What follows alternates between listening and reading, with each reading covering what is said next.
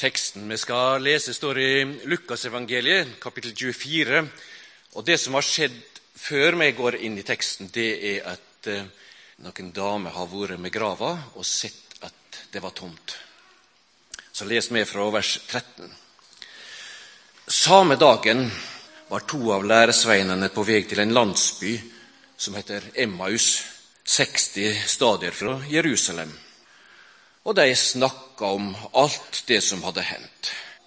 Medan de nå tala sammen og drøfta dette med hverandre, kom Jesus sjøl og ga seg i lag med dem. Men auga deres hindra i å sjå, så de ikke kjente han att. Hva er det det går og taler om med hverandre? spurte han. Da stansa de, fulle av sorg. Den ene, som heter Kleopa, svarer, du må være den eneste Jerusalem som ikke veit hva som har hendt der disse siste dagene. Hva er det? spurte han. Det med Jesus fra Nasaret, svarer de. Han var en profet, mektig ord og gjerning for Gud og hele folket. Men overprestene og rådsherrene våre utleverte han, fikk dømt han til døden og krossfeste han og vi som hadde vona at han var den som skulle sette Israel fri. Men nå er det alt tredje dagen siden dette hendte, og noen kvinner blant oss har sett oss i uro og undring. I dag tidlig var de ved grava og fant ikke kroppen hans, men de kom tilbake og fortalte at de hadde sett et syn av engler som sa at han lever. Noen av våre folk gikk da ut til grava og de fant det nett slik som kvinnen hadde sagt. Men han sjøl så det ikke. Da sa han til dem, hvor lite det skjønner, og hvor seine det er til å tru alt det profetene har sagt. Måtte ikke Messias lia dette og så gå inn til sin herligdom? Så tok han til å legge ut for deg det som står skrevet om han i alle skriftene, helt fra Moses og hos alle profetene. Da de kom bortimot landsbyen de skulle til, gjorde han som han ville gå videre. Men de ba han inntrengende og sa, Vær hos oss, det er kvelder, og dagen er på hell. Da gikk han inn og ga seg til hos dem. Og medan de satt til bords med dem, tok han brødet, ba takkebøna, braut og gav dem. Da vart auga deira åpna, og de kjente han att. Men han vart usynlig for dem. De sa til hverandre, brann ikke hjertet i oss da han tala til oss på vegen og åpna Skriftene for oss? Og de tok ut med en gang og gikk tilbake til Jerusalem. Der fant de alle elleve og vennene deres samla. Og disse sa, Herren har sannelig stått opp og har synt seg for Simon. Da fortalte de to om det som hadde hendt på vegen, og hvordan de hadde kjent han att da han braut brødet. Slik lyder Herrens ord. Jeg syns Oddbjørn leste veldig fint. Det er noe sånt med den dialekten jeg kan rulle på r-ene. Det blir liksom litt sånn ekstra vakkert. Så fint det var. Å få lov å være stille og høre om noe av det som skjedde i påsken. Og påsken er en fantastisk spennende høytid. Det er så skiftende, det er så forskjellig. Det er så mange forskjellige slags følelser når det handler om påske. Det handler litt om sånne kontraster, ting som er veldig forskjellige på den ene siden og på den andre siden. Og Nå skal du se en sånn kontrast som skjedde denne påsken. Dette bildet tok jeg på langfredag. Da var vi på Listalandet. Og så var vi og gikk tur, og det var så fint. Og det var så fint at jeg skal fortelle dere en hemmelighet. På denne siden av denne haugen der satte jeg meg ned i solen, og så sovna jeg. Tenk det. I påsken. Ute på langfredag så satt jeg inne i en sånn fin steinhelling, og så sovna jeg. Det var på langfredag. Klokken kvart på syv lørdag morgen bankte det på døren på soverommet, så inn kommer Natalie. 'Moffa, moffa, det snør!' Det snør. Og så kikker vi ut vinduet, og så snødde det. Det, det er nesten helt sprøtt. Det er sol, og vi kan sove ute den ene dagen, og så snør det og blåser og er et forferdelig vær. Sånne kolossale kontraster samme påsken. Men det er rart. Det er noen andre kontraster òg.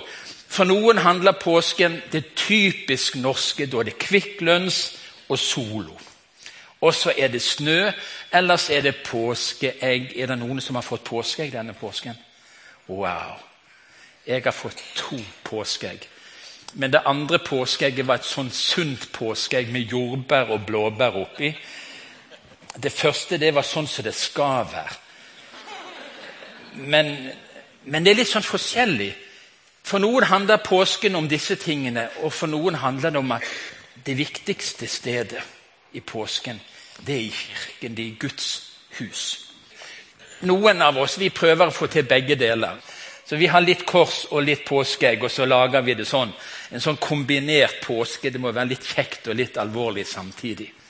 Men hvis vi åpner denne boken, som er den beste boken jeg vet om, så leser vi hva påsken handler om.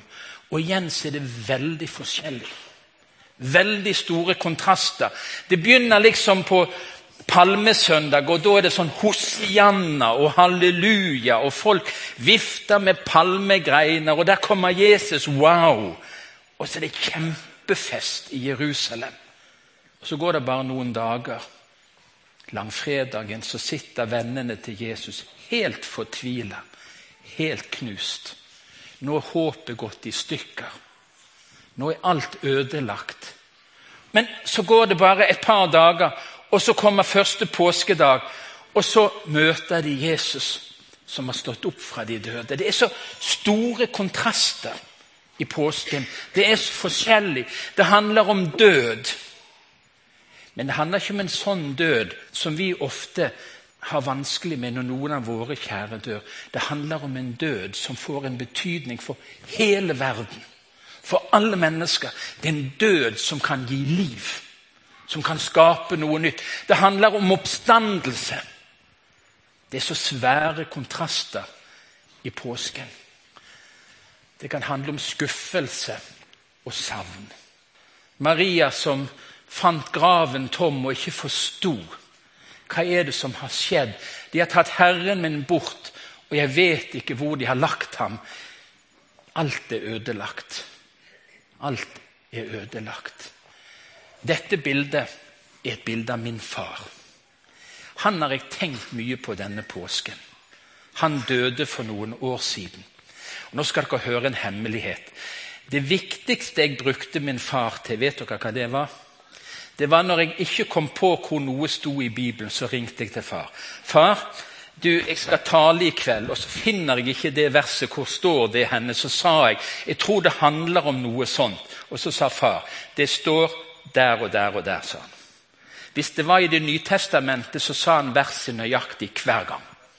Hvis det var i Det gamle testamentet, så kunne han være i tvil. Så sa han det er nok i Jesaja, det er nok i 43. Det står oppe på siden i den borteste kolonnen, litt til høyre, kanskje litt ned på siden. Han var ikke helt sikker på verset. Jeg savner han. Jeg savner det å kunne ringe til han og snakke med han. Det var noe som gikk i stykker når han døde. Det var noe som forsvant. Du kan tro det, at for disse to som hadde håpet at Jesus var svaret de hadde håpet at Jesus var redningen. De hadde stolt virkelig på at nå kommer det til å skje noe nytt i verden. For Jesus er den vi har venta på. Jesus er den som var lovt gjennom Det gamle testamentet. Nå skjer det virkelig. Og så sa de Og vi som hadde håpet at det var han som skulle befri Israel. Men så var han død. Så var han i graven. Så var håpet på en måte borte, og de var fylt av skuffelse. Og de kjente ikke igjen han som kom og gikk ved siden av dem. Og de delte skuffelsen sammen med ham. Noen av våre gikk da til graven, og de fant det slik som kvinnene hadde sagt. Men ham selv så de ikke. De begynte å ane kanskje er det et eller annet som holder på å skje. Og Der fant de alle de elleve vennene deres samlet, og disse sa Herren er virkelig stått opp. Og nå, nå begynner det å forandre seg fra skuffelse til håp. Og så skjer det noe i det siste verset, i det som Oddbjørn leste. Så fortalte de to om det som hadde hendt på veien, og hvordan de hadde kjent ham igjen. Han som gikk ved siden av dem. Han som de delte skuffelsen med han som ikke de helt forsto hvem var. Så plutselig så kjente de han igjen. For påske handler om oppstandelse. Og det, Dette spillet liker vi i staben å spille. Så når vi hadde stabstur, så spilte vi det ryktegård. Det er noen som har spilt det. Det er kjempekjekt. Det er sånn, Du tegner noe, og så skal du gå en runde rundt, og så skal folk til slutt gitte det. Og det blir mange rare ting. Jeg har tegnet noe, jeg har tegnet en saus som ender som et hus eller et eller annet. Altså, men det med Jesus, det er mer enn et rykte. Det er ikke noe som forandrer seg. Det er noe som er helt sant, helt nøyaktig. Vi kan stole på det. Og I en av påskesalmene så står det 'Så fikk du den levende møte'. Og salige, salige stund. Det skjer noe, skjønner du, når mennesker får møte Jesus. Den levende. Det store er ikke at Jesus levde og døde, var det en som sa, men at han sto opp og lever. Det er jo det som er fantastisk. Det var ikke det at han levde og døde, men at han døde og sto opp igjen og lever. Jesus lever. Jesus er til stede her og nå. Og Da skjer det noe med mennesker som har fått lov å møte Jesus, som kjenner han igjen. Brant ikke hjertet i oss, sa disse to. Brant ikke hjertet i oss. Og Jeg vet ikke hvordan det er med ditt hjerte. Av og til, Jeg kan kjenne at det banker. Av og til så banker det litt hardere. Hvis jeg går opp en trapp, så banker det forferdelig hardt. Hvis jeg går opp et fjell, så holder det på å dette ut. Da banker det veldig. Men brennende hjerte, det er noe helt annet. Det er noe du får når du har sett Jesus. Når du har møtt Jesus. Han som døde for våre synder på langfredag. Men døden hadde ikke makt nok til å holde han fast. Han som sto opp igjen, og som lever nå. Da skjer det noe med hjertene våre. Og så skriver Paulus i første Korinterbrev. Men nå er jo Kristus stått opp fra de døde som førstegrøden av dem som er sovnet inn. Førstegrøden. Det er liksom den første frukten som forteller det kommer mer seinere. Jeg tror jeg skal møte min far igjen. Fordi Jesus sto opp som førstegrøden, så skal alle de som tror på han en gang stå opp sammen med han. Det at Jesus sto opp igjen, beviser for oss at det kommer en oppstandelse for alle mennesker. Men de skal stå opp til evig liv, de som kjenner Jesus. Jesus er førstegrøden, og så er det siste bibelverset i dag. Men denne veldige makten, veldige makt og styrke, reiste han Kristus opp fra de døde. Og rett før i det verset, i vers 19, så står det at denne makten, denne kraften, er hos oss som tror. Den oppstandelseskraften Gud brukte for å reise Jesus opp fra de døde, den forsvant ikke. Den ga han til kirken sin. Den ga han til alle som tror. Den kraften bor i deg.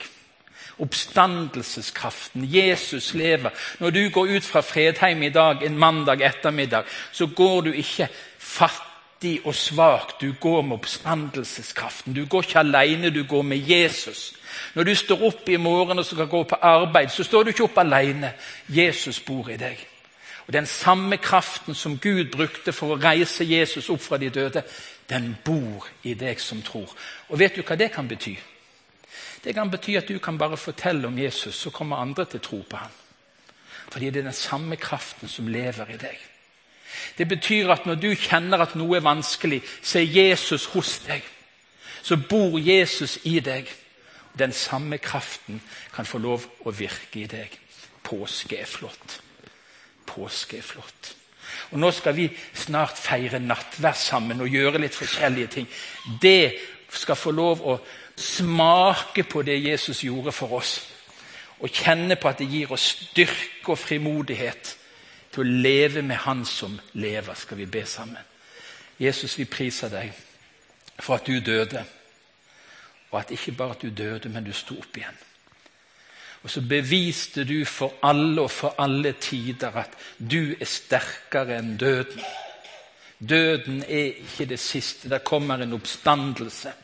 Det kommer en dag som ligger der og venter på oss, hvor alle mennesker skal reises opp igjen fordi du blir reist opp igjen. Og alle som tror på deg, skal reises opp til et evig liv sammen med deg. Og Jesus, takk for at hver dag mens vi venter, lever du i oss. Og du vil leve gjennom oss. Du er i din kirke, du er i din menighet, du er i ditt folk. Du er i den enkelte som tror med din oppstandelseskraft. Amen.